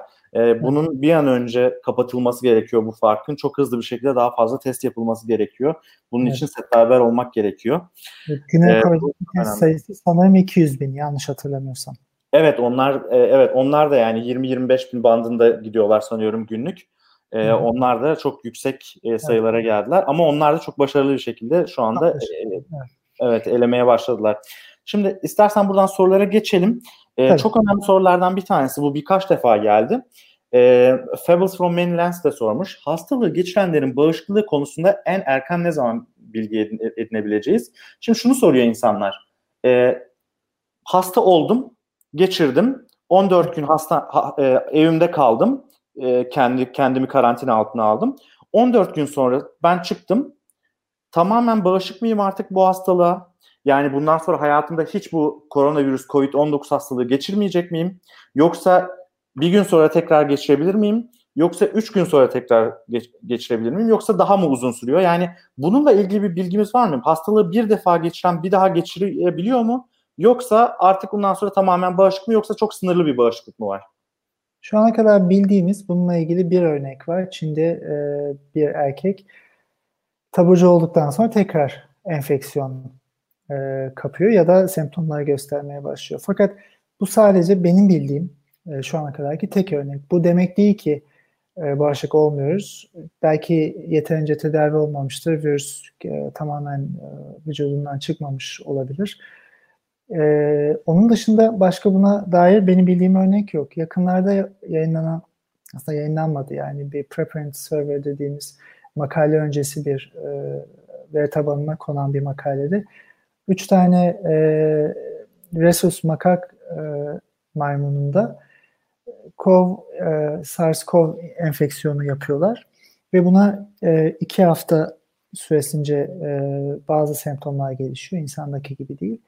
Fakat sonra e, bekledikten sonra sanırım iki hafta bekliyorlar yanlış olmasın. Tekrar enfeksiyon veriyorlar ve e, enfekte olmuyor. Yani bir semptom görmüyorlar. Bu üç tane e, yani üç e, maymunla yapılmış çalışma ve çok kısa süreli. Şimdi yani immünologlar bunu daha iyi anlatabilirler. Lakin bir antijenle karşılaştığımızda ilk önce ona bir e, reaksiyon geliştiriyoruz ilk temelde. Sonradan hafızamızı yaratmaya başlıyoruz. İmmün hafızası, bağışıklık hafızası. Bunun da bazı aşamaları var. İlk başta yarattığınız antikorlar e, ve herhangi bir patojeni önlemek için uzun vadede hafızaya dönüşüyor mu? Bunun da dönüşmeme olasılığı tabii var. Bu nedenle yani bu çalışma pozitif bir çalışma o anlamda. Kısa süre en azından bağışıklık üretiyoruz. Bu virüse karşı antikor üretiyoruz. Fakat vücudumuzda bu ne kadar kalıyor?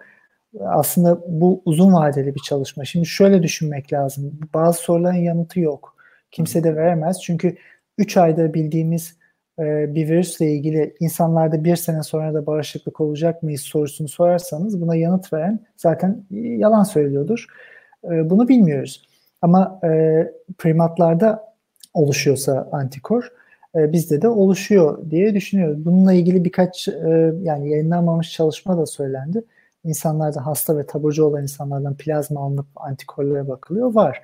Evet yani bağışıklık üretiyoruz ama bu bağışıklık uzun süreli mi olacak?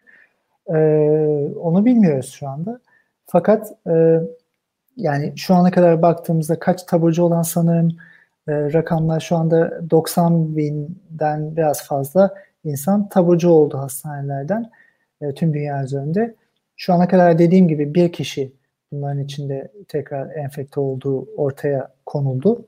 Olsa büyük ihtimalle tekrar e, bu büyük bir haber olurdu diye düşünüyorum.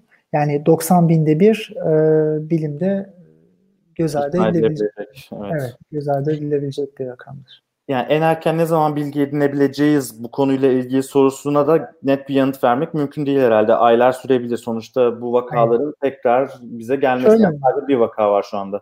Evet şöyle olabilir. Ee, bu eğer mevsimsel bir e, hastalığa dönüşürse influenza gibi, grip gibi e, bir sonraki salgında bunu görebiliriz. Bu salgının ne kadar yayıldığına e, bakarak. Tabii bu biraz korkutucu da olabilir. Yani bir daha mı salgın olacak? Yani eğer çözemezsek bu dengeyi ve dinamiği e, bu salınım devam edecek. Yani gripte olduğu gibi güney yarımküreye geçiyor, kuzey yarımküreye geçiyor, oradan oraya geçiyor. Bu devam edecek. E, bunu bunu söyleyebiliriz. Ve e, influenza örneğin onu düşünün. Grip aşısı olabilirsiniz ama o belli bir sezonun e, e, grip virüsü ise e, bir sonraki sene çok fazla değiştiyse bağışıklığınız ona e, bir koruma sağlamıyor. Evet. Yani uzun vadeli koruma, e, önleme ve koruma e, konuları biraz karışık. E, göreceğiz. Yani SARS, koronavirüsler, influenza gibi kadar mutasyona uğramıyorlar, bu kadar değişmiyorlar. Onu onu biliyoruz. Dolayısıyla bir bağışıklık oluşturduğumuzda umuyoruz ki uzun vadede e, bağışık kalacağız. Umuyoruz. Yani şunu söyleyebiliriz. Tahminimiz aslında bir Tahmin. kere geçirdikten sonra bu virüse karşı en azından mutasyon geçirmediği sürece bağışık kalabileceğimiz yönünde. Evet.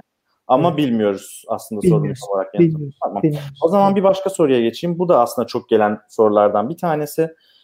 Ee, Ali H. DMR sormuş. En başta virüsün dışarıda canlı kalabilmesi için neme ihtiyacı olduğu söyleniyordu ama şu an plastikte bile 4 gün kaldığı söyleniyor. Bilgiler güncellendi mi bu durumda? Şimdi başka bir soru daha gelmişti. İşte koronavirüs açıkta satılan taze sebze ve meyvede bulunur mu? Bulunursa nasıl arındırabiliriz? Fırından alınan ekmek için de aynı sorun geçerli diye. Ee, bununla ilgili bir şeyler söylemek ister misin? Söylemek istemezsen ben de ufakça yanıtlayabilirim. Sen başla istersen birkaç çalışma tamam. var mı? Şöyle yapayım. Ben evet ya ben e, birkaç çalışmadan ve Esin Hoca, Esin Davutoğlu Şenol onunla da yaklaşık 10 gün önce bir yayın yapmıştık. Ondan e, öğrendiklerimi söylemiş olayım. E, virüsün temel olarak geçme mekanizması aslında e, ağzımızdan ya da burnumuzdan ya da gözümüzden e, virüsle enfekte elimizi e, götürmerek daha doğrusu yani bir şekilde virüsün e, ağzımıza, burnumuza ya da deri çatlaklarımıza girmesi gerekiyor. Vücudumuza bu yoldan girmesi gerekiyor.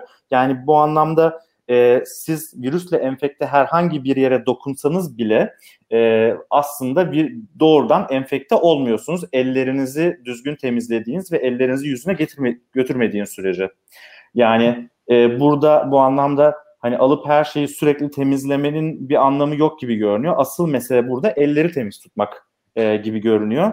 E, bunu sağlamak da tabii ki çok kolay değil. Elleri sürekli yüze götürmemeye çalışmak da çok kolay değil tabii ki. Ama asıl mesele e, ellerin temizliği ve elleri yüze götürmemek gibi görünüyor. Taze sebze meyvede e, bulunsa bile e, Esin Hoca'nın yine söylediğine göre, Esin Şenol'un söylediğine göre e, bunların e, enfekte etmesi insanı mümkün değil. Bunların işte bu taze sebze meyveyi e, yedikten sonra mide asidinde virüsün tamamen etkisiz hale geldiğini söylüyor ve yeme sırasında bunların boğaza takılması ya da akciğere gitmesi gibi bir ihtimalinde yani bir şekilde şey yapmadığın sürece, hatalı bir şey yapmadığın sürece e, mümkün değil gibi e, görünüyor dedi kendisi.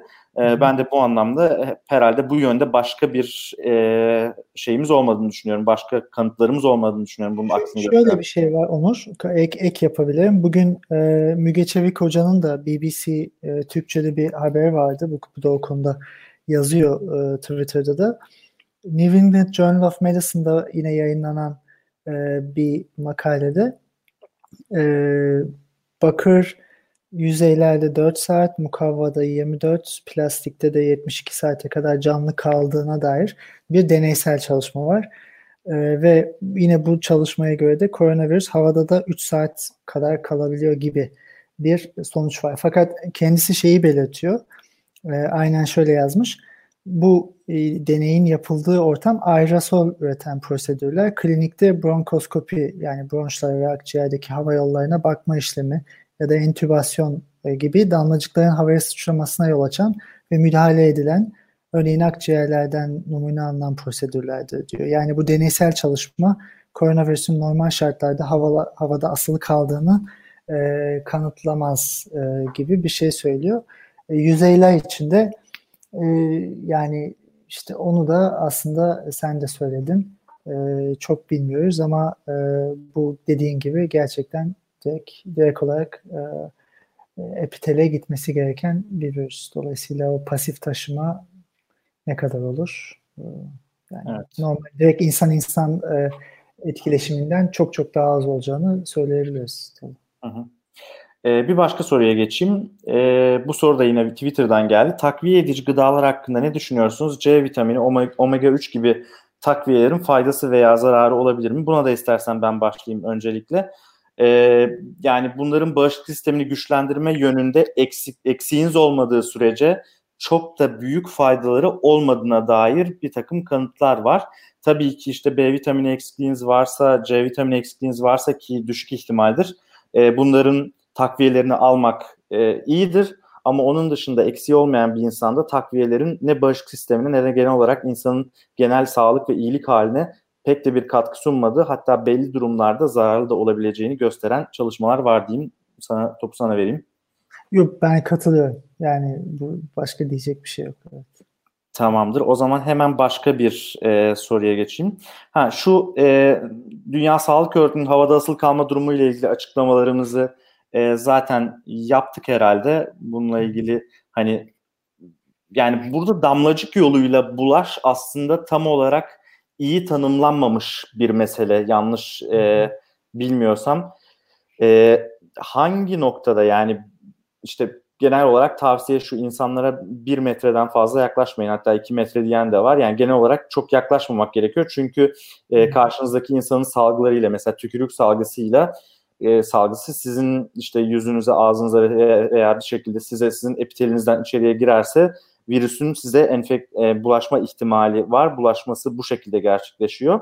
E, ama sadece işte damlacık yoluyla aynı ortamda bulunduğunuz zaman aynı havayı solduğunuz solmakla geçmesi daha düşük ihtimal gibi e, görünüyor. Bu anlamda Dünya Sağlık Örgütü'nün açıklamasındaki havada asılı kalma durumunun da işte sen de az önce söyledin herhalde biraz daha deneysel e, koşullarda olduğu ve pratik hayata ne kadar uygulanabileceği de aslında soru işaretli e, gibi duruyor herhalde.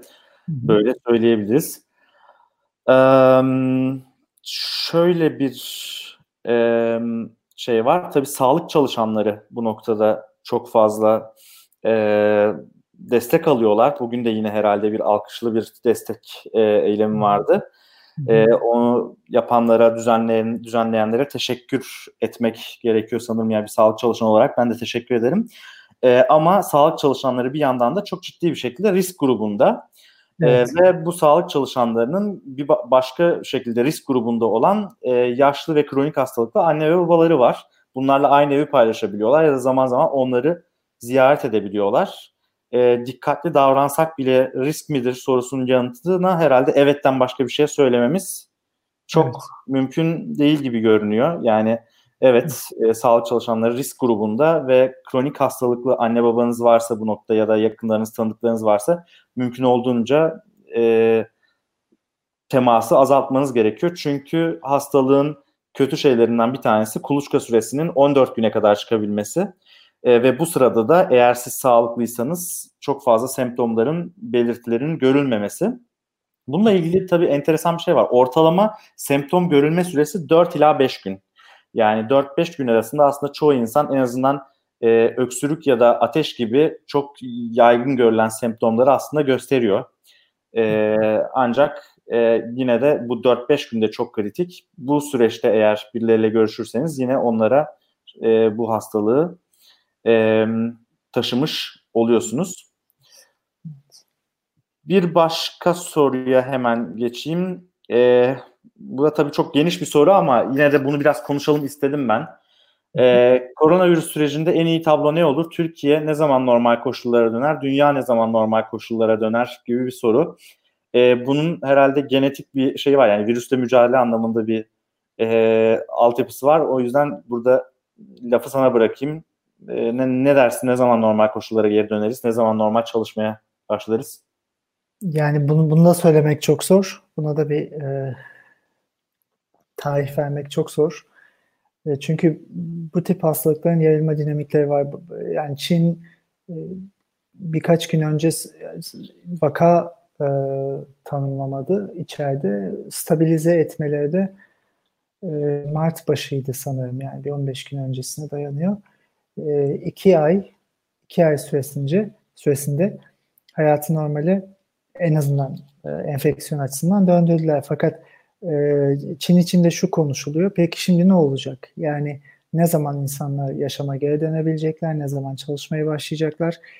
E, Çin e, bu konuda önde gidiyor. Şöyle ki oradan öğreneceklerimiz oluyor. Yani bu süreci ilk yaşadığı için e, normale dönüş sürecinde ilk onlar yaşayacaklar.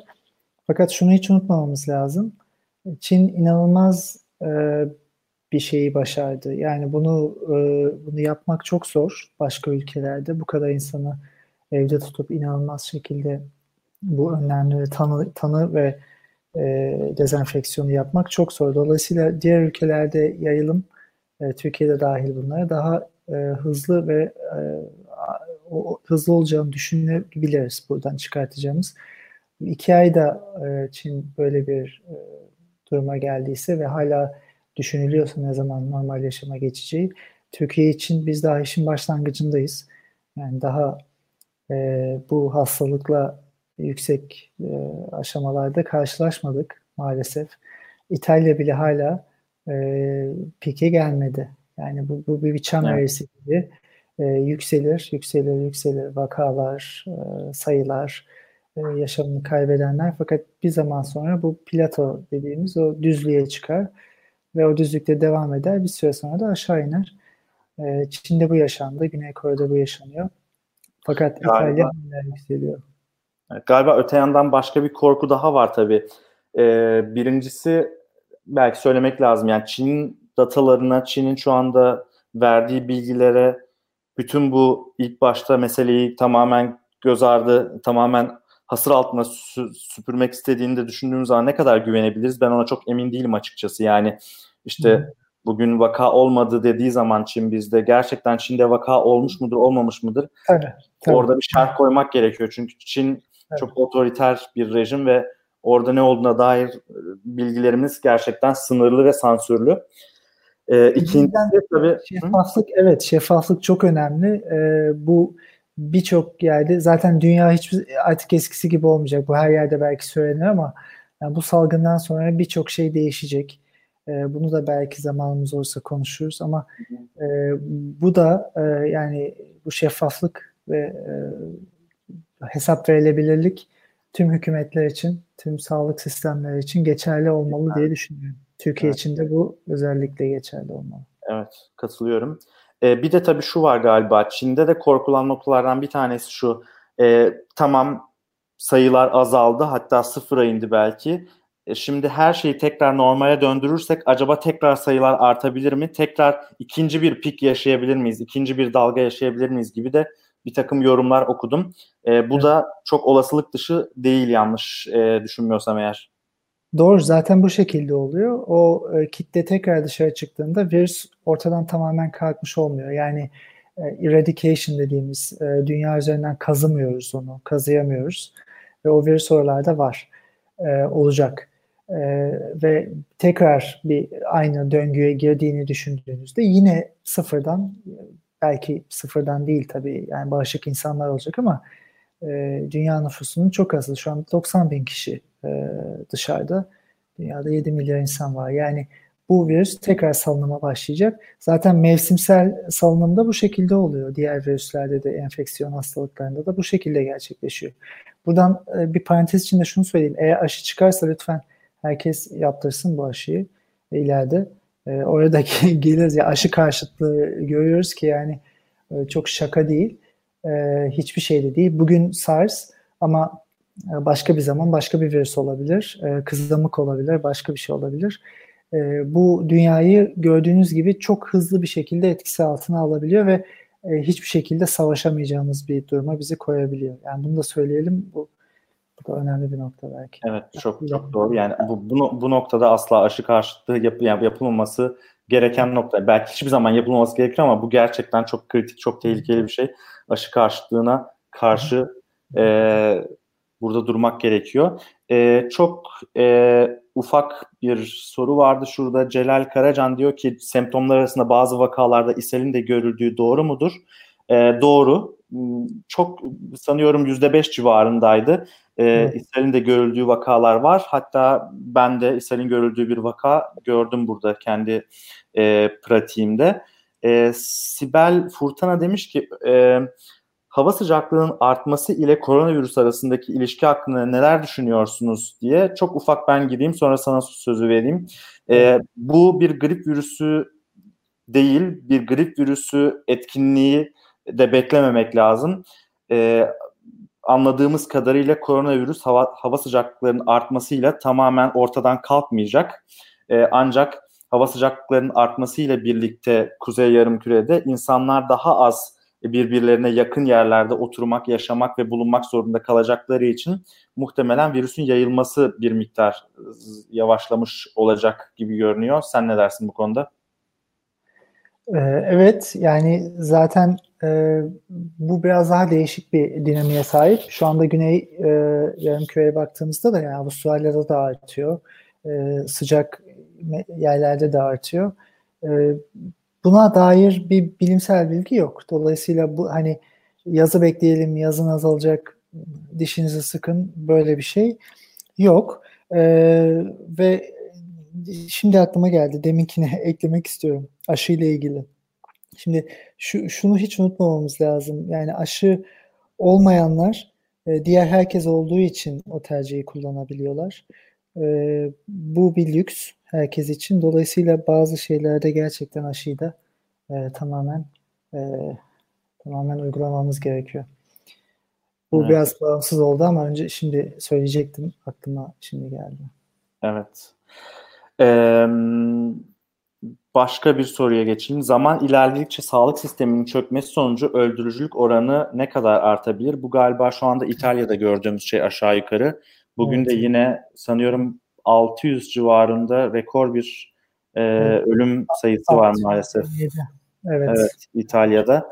Orada biz bazı bölgelerde özellikle İtalya'nın tabii e, İtalya çok homojen bir ülke değil. Epey heterojen bir ülke. Federalizmden kaynaklı, bölgesel farklardan kaynaklı çok ciddi imkan farklılıkları var bölgeler arasında ve İtalya'nın bir bölgesinde ciddi bir şekilde sağlık sisteminin çöktüğünü artık e, görüyoruz herhalde. Tabii ki zaman ilerledikçe sağlık sisteminin çökmesi gerçekleşirse herhangi bir ülkede, Türkiye'de, Almanya'da ya da başka bir ülkede e, öldürücülük oranının artacağını rahatlıkla söyleyebiliriz herhalde. Evet, evet maalesef. Yani İtalya'daki vakalar e, neredeyse Çin'e yaklaşacak birkaç güne e, maalesef yaşamını kaybeden insanların sayısı Çin'i geçti. E, yaklaşık e, bin kişi, milyon kişi de bin kişi enfekte bu yani bin kişide bir enfekte demek. Bu çok büyük bir rakam böyle bir hastalık için.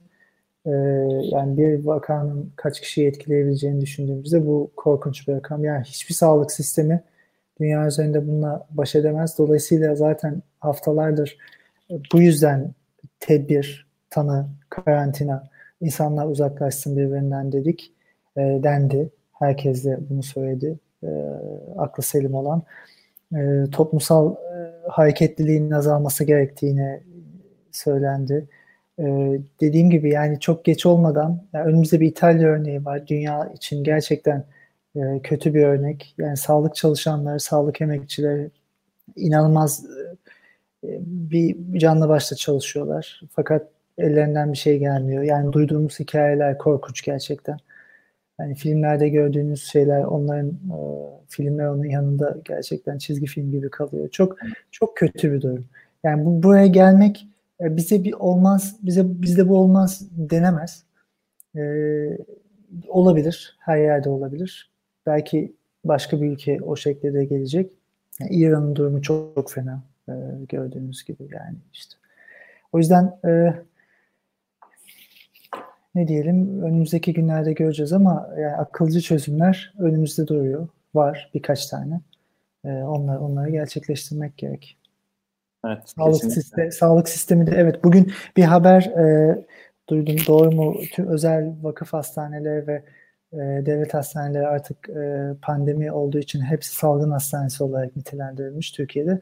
Dolayısıyla hepsi e, tüm sağlık sistemine artık entegre bu anlamda. E, bu iyi bir gelişme. Bu kapasitenin mümkün olduğunca artması ama en ön cephede savaşan sağlık personelinin de gerçekten e, ihtiyaçlarının karşılanması gerekiyor. Malzeme olsun, maske olsun, e, kıyafet olsun. O yüzden yani biz ortada maske maske diye e, gezmek mesela maske konusuna da değinebiliriz. E, evet. Raşit Hoca, Raşit Tükel e, bir konuşmasında yani maske eğer siz hastaysanız semptomunuz varsa e, bunu başkalarına bulaştırmamak için çok etkili bir yöntem. Fakat e, normal cerrahi maske, o basit maskeler size enfeksiyondan korumaz. Zaten birçok insanda maskeyi takıp başka bir yere gittiğinde onu çantasına koyuyor. işte cebine koyuyor. Zaten yani o virüsten korumak için onu onu gün boyunca takamazsınız. Onun dışındaki o N95 ya da e, diğer e, radyasyon maskeleri bazı insanlar kullandı. O da zaten olası bir şey değil. Dolayısıyla biz bunları e, piyasadan, ortalıktan çekerek e, hekimlerimizin, sağlık personelimizin, o emekçilerin e, imkanlarını kısıtlıyoruz. Yani bunu da aslında e, yapmamamız lazım. Evet, kesinlikle. Um, birkaç tane çok e, özel sağlık sorusu var. Mesela koah ya da astım gibi sorunları olanların kullandıkları öksürük baskılayıcılar belirtilerin gözlenmesinin gecikmesine yol açabilir mi diye. Teorik olarak evet ama bunu herhalde biraz daha göğüs hastalıkları uzmanlarıyla e, konuşmak daha mantıklı, makul olabilir. Yine de başka bir takım semptomlarda mutlaka görülecektir. Bu anlamda bu hastaların ama özellikle dikkat etmesi çok önemli. Çünkü eğer tansiyon, şeker e, gibi bir hastalığınız varsa, e, kronik bir takım hastalıklarınız varsa mesela bu bu virüsten e, e, hayatını kaybeden ilk Türk asıllı insan galiba Avusturya'da böbrek yetmezliği hastalığı olan bir insandı. Koahınız varsa, astımınız varsa, bir takım kronik hastalıklarınız varsa çok dikkat etmeniz e, gerekiyor. Tabii ki kronik hastalıklara rağmen COVID-19 yenen oldukça fazla sayıda insan var, oldukça fazla sayıda hasta var. E, ancak bu insanların özellikle dikkat etmesi gerekiyor e, COVID-19'dan sağlıklı bir şekilde e, çıkabilmek için. Evet. E, şöyle bir soru var. Hasta hastalığı geçiren insanların plazmaları mevcut durumda tedavide kullanılıyor mu diye ilgimi çekti. E, bununla ilgili bir bilgin var mı? Yani hasta insanların oluşturduğu bir takım şeyler, e, antikorlar e, bir şekilde izole edilip acaba e, kullanılabilir mi? Buna e, buna dair bir yayın ve bir, hani e, beni tatmin edici bir şey görmedim. Fakat e, bunun e, şu anda denendiğine neredeyse emin gibiyim. Çünkü mantıklı bir e, bakış açısı. Yani antikorları plazmadan alabilirsiniz, izole edebilirsiniz. Özellikle işte belli IgG tiplerini ve oradan sonra onu e, hastalarda bir antikor tedavisi olarak kullanmaya çalışabilirsiniz. Zaten birçok klinik denemede monoklonal antibody e, üzerine yani monoklonal antikorlar üretip virüsü ya da herhangi bir hastalığı ortadan kaldırmak üzerine siz bu antikorları dışarıda değil de e, zaten e, vücutlarında üretmiş hastalardan alıp e, kullanabilirsiniz. Fakat burada şöyle bir sıkıntı var. E, bu tüm dünyaya yet, yetecek bir şey değil. Yani 90 bin kişi de var bu şu anda bildiğimiz. E, 90 bin kişiden alıp e, yüz binlerce insana bunu uygulamak e, teknik olarak mümkün değil. Hasta sayısı arttıkça bir de tabii e, şöyle sıkıntılar da var. Yani bunu, bunu yapılabilir mi? Bilemiyorum çünkü her insanın e, bağışıklık sistemi e, antikorları biraz değişik olabilir ve bu dolayısıyla başka bir immün reaksiyonu yaratabilir. Bunu yani bu konuda e, çalışan hocalar var. Mesela Derya Hoca var. E, belki o buna daha iyi yanıt verebilir. Evet, Derya Anlatmaz. Evet. E, yani teorik olarak mümkün ama pratikte nasıl işler buna dair bir yayın ve bilgi ben görmedim şu ana kadar. Anladım. Ee, sürekli evde durmaktan sıkılan yaşlılar kalabalıktan uzak şekilde açık havada yürüyüş yapabilir mi? Bunun yanıtı sanıyorum evet ama işte çok dikkatli olmak gerekiyor. Gruplardan uzak durmak gerekiyor. Çünkü çok hızlı bir şekilde kapılabilecek bir hastalık mümkün olduğunca e, uzaklaşarak e, başka insanlardan herhalde e, bunu yapmak gerekiyor. Bu evet, çok, çok zorunda kalmazlarsa yapmamalarını tavsiye Hatta yapmamaları muhtemelen e, daha, daha mantıklı olabilir bir süre için en azından. Evet, evet. Şimdi son olarak herhalde bir sağlık çalışanlarına e, burada bir değinmek gerekiyor. Sağlık çalışanlarının e, ben dün de yazdım, bugün de yazdım. Her ne kadar buna itirazlar gelse de çok fazla insan hastanelerde maske, e, koruma elbisesi, e, eldiven vesaire eksiği olduğuna dair paylaşımlar yapıyor. E, bunu ben özel olarak söylemek istedim. Kendimde bir sağlık çalışanı olarak e, bizim e, hemşirelerimiz, doktorlarımız, e, bütün sağlık personelimiz çok değerli ve bu noktada bizim aslında tek sığınağımız onlar. Onların ihtiyaçlarının bir an önce giderilmesi, bir an önce e, sağlıklı ve güvenli bir şekilde çalışabilecekleri bir noktaya getirilmesi gerekiyor hastanelerin donanım ve ekipman açısından. E, bunu da özellikle belirtmek istedim. Çünkü İtalya'daki gibi eğer onlar hastalanırsa, İtalya'da şu anda 2500 civarında sağlık personeli korona, koronavirüs sebebiyle e, devam edemiyorlar. Efendim? %15 hastaları. %15. Evet. evet. Çok fazla. E, yani çok fazla bu. Bu yani e, kabul edilebilir bir şey değil. Burada yetkililerin, Sağlık Bakanlığı'nın bir an önce devreye girip e, bu insanları korumak için bir seferberlik başlatması gerekiyor. E, bunu özellikle e, söylemek istedim ayrıca. Bilmiyorum evet. sen de bir şeyler ek- eklemek ister misin? Yani müteşekkiriz tüm dünyadaki sağlık e, emekçilerine e, ve onların onların sağlıklı olması tüm dünyanın sağlıklı olması anlamına geliyor şu anda. Onlar için e, her şey yapılmalı, ihtiyaçları karşılanmalı. Tabii bu ikinci bir e, halka olarak toplumdaki çalışanlara, gençlere, e, geriatrik e, popülasyona, herkes için gerekli önlemler olabildiğince alınmalı. Yani şöyle diyebiliriz, ben bir bilim insanı olarak önceliğim e, tüm doğanın, e, insanların, hayvanların e, iyi olması, sağlıklı olması. E, dolayısıyla şöyle bu yaşadığımız durumda hani insanlar, e, insan hayatı öncelikli. Dolayısıyla ben en azından kendim konuştuğum her şeyi o perspektiften konuşuyorum. E, olabildiğince buraya yaklaşmamız gerekiyor diye düşünüyorum. Evet, ben de aynı şekilde düşünüyorum. Ee, çok ağzına sağlık. Çok güzel bir yayın oldu bence. Yayını bitirmeden ama senden bir isteğim daha var.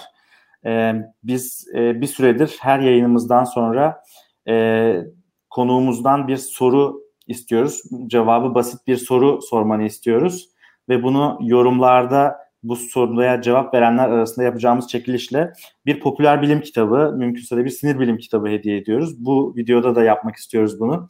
Ee, sevdiğin bir popüler sinir bilim ya da popüler bilim kitabı var mı?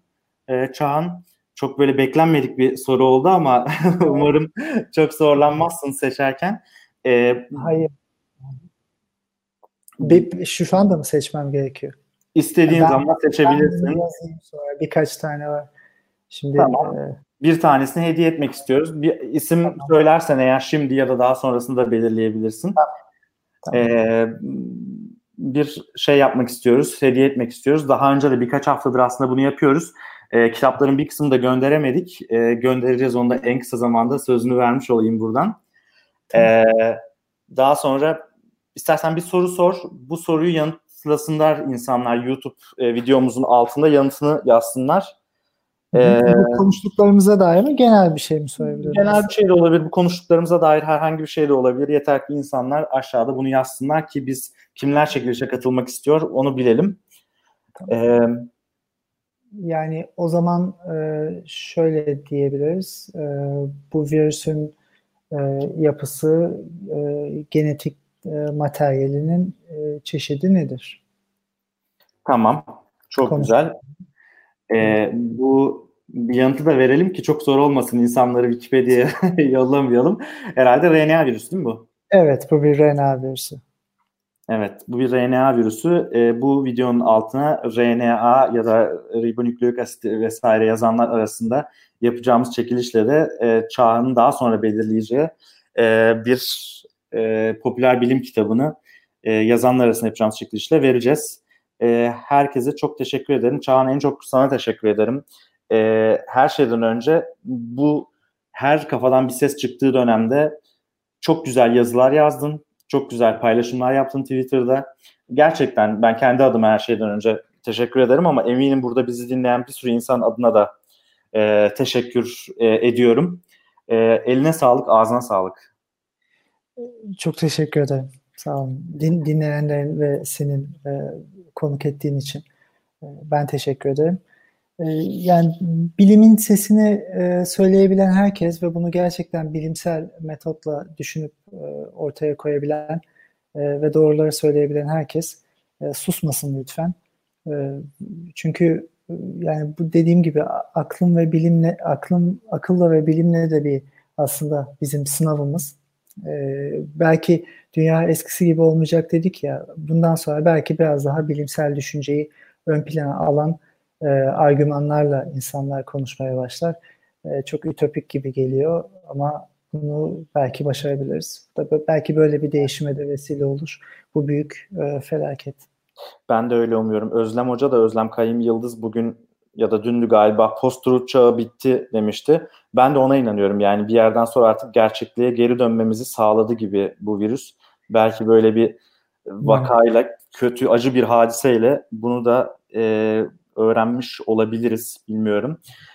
E, çok teşekkürler tekrar. Dinleyen herkese de e, çok teşekkürler. E, yayın bittikten sonra bu videonun YouTube videosunun altına lütfen RNA yazın. Oradan e, belirleyelim. Şu anda yazdıklarınızı maalesef, maalesef e, dahil edemeyeceğiz. E, herkese iyi geceler. Umarız bir an önce e, bu koronavirüs meselesini salgınını hızlı bir şekilde atlatabiliriz. Herkesin e, sağlıklı bir şekilde yaşayabildiği bir dünyayı yeniden kurabiliriz. E, iyi geceler. Görüşmek üzere. İyi geceler.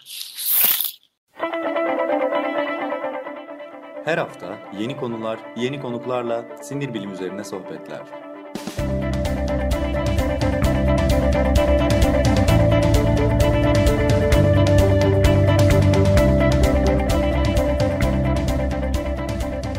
Neuroblog Podcast sona erdi.